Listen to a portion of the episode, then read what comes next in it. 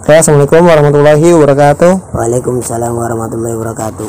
Jadi kali ini dari orang eksternal dari universitas mana? Institut Salahuddin Wilayah Islami Tambun Bekasi. Oh, coba dikenalkan dulu itunya profil ringkasnya aja ya. Nama lengkap saya Yandwi Chandra, kelas semester 6 eh, Fakultas Adab. Kelahiran Kuningan tanggal 12 Januari 1998. Masih menjadi pengurus Pondok Pesantren Tarbiyatul Mubtadiin. Eh, yang di pendirinya yakni Kiai Haji Damanuri bin Haji Darda. Nah, berarti eh, kerjaan sekarang kerja ngajar gitu? Ya masih ngajar. Di?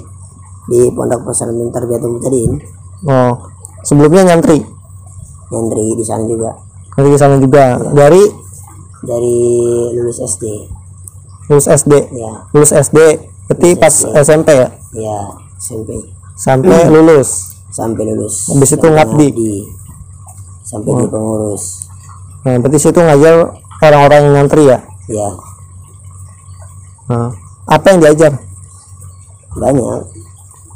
Kalau di pondok itu tidak hanya pendidikan formal maupun agama saja tapi sebenarnya ada hikmah-hikmah kehidupan. Contoh ketika kita berakhlakul karimah kepada orang tua di situ ada di bagian akhlak. Terus ada juga kehidupan contoh kita menyikapi bagaimana masalah-masalah yang ada di sekeliling pondok kita. Dan nanti ketika kita udah keluar dari pondok kita apa, menghadapi masalah-masalah yang di luar itu akan lebih mudah. Karena kita sudah bisa menyikapi masalah-masalah yang ada di pondok. Enggak begini aja. Nah, nah berarti eh, berkecimpung di dunia pendidikan ya dari SMP sampai eh, ngabdi sampai sekarang. Iya, Terus emang dari dulu emang cita-citanya dari jadi guru untuk ngajar atau gimana? Mang? cita-cita lagi kecil pengen jadi pelukis, jadi lebih ke seni. Oh, berarti di luar dari ekspektasi terus bisa berevolusi ke guru itu gimana ceritanya tuh dah? Mengikuti alur. Ya mengikuti alur. Contoh kita dulu sebagai orang yang nakal ya di pondok, apalagi yang pelanggar. Tapi ketika kita keluar, kita menjadi seorang yang bagaimana caranya dulu kita melanggar itu ibaratnya dulu kita seorang pelajar jadi pelanggar ya sekarang kita sebagai pengajar gimana caranya para pelanggar ini menjadi lebih apa namanya ya ibarat kita bisa menyikapi gitu maksudnya dulu kita jadi seorang pelanggar eh, yang melanggar-langgar aturan gitu kan tapi sekarang kita sendiri harus menyikapi bagaimana caranya orang-orang pelanggar ini untuk berubah menjadi orang yang benar gitu.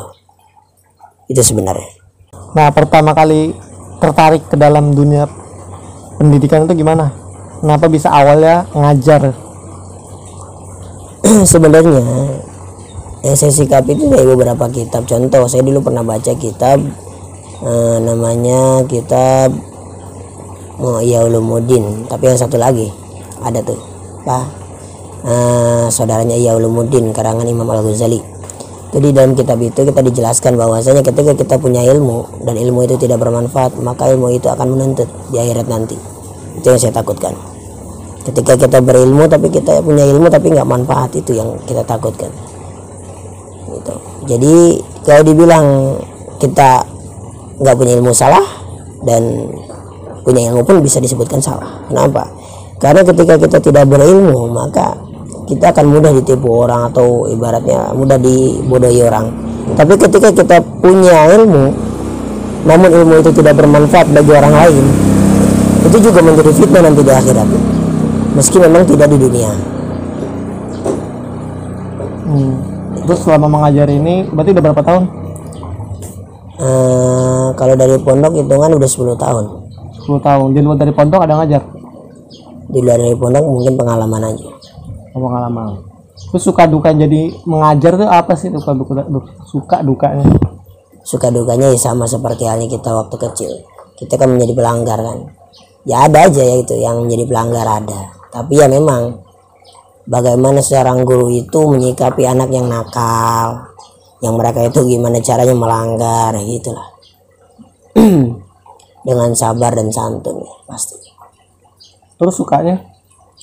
Ya sukanya mereka akan lebih menghormati gitu. ketika kita itu lebih bisa untuk menyayangi mereka. Hmm, terus alasan tetap bertahan mengajar itu apa sih yang membuat bertahan? Ya sebenarnya itu tadi ketika kita punya ilmu jangan sampai kita punya ilmu tidak bermanfaat itu aja. Hmm, ya, ya. Nah, terus sebagai pengajar nih, apa pesan-pesan yang bisa disampaikan kepada calon-calon calon guru ke depannya, khususnya saya nih yang nanti berkecimpung di dalam di dalam dunia pendidikan, apa sih pesan-pesan nih yang eh, Mas Yayan udah pengalaman, pesan-pesan apa nih yang calon-calon guru nanti ke depannya yang bisa disampaikan oleh Mas Yayan? sebenarnya pesannya ya dari kitab juga yang saya ambil. Itu dari kitab uh, ya Ulumuddin juga. Itu ada gini ceritanya. Itu ada celaka bagi orang yang tidak mempunyai ilmu. Gitu. dan yang tidak celaka bagi orang-orang yang mempunyai ilmu habis itu celaka juga bagi orang yang mempunyai ilmu tapi tidak mengamalkan ilmunya Habis itu celaka lagi bagi orang yang mengamalkan ilmu tapi tidak menjadi orang-orang yang ikhlas. Dan orang yang ikhlas itu tidak mudah. Karena orang yang ikhlas berada di dalam cobaan yang besar.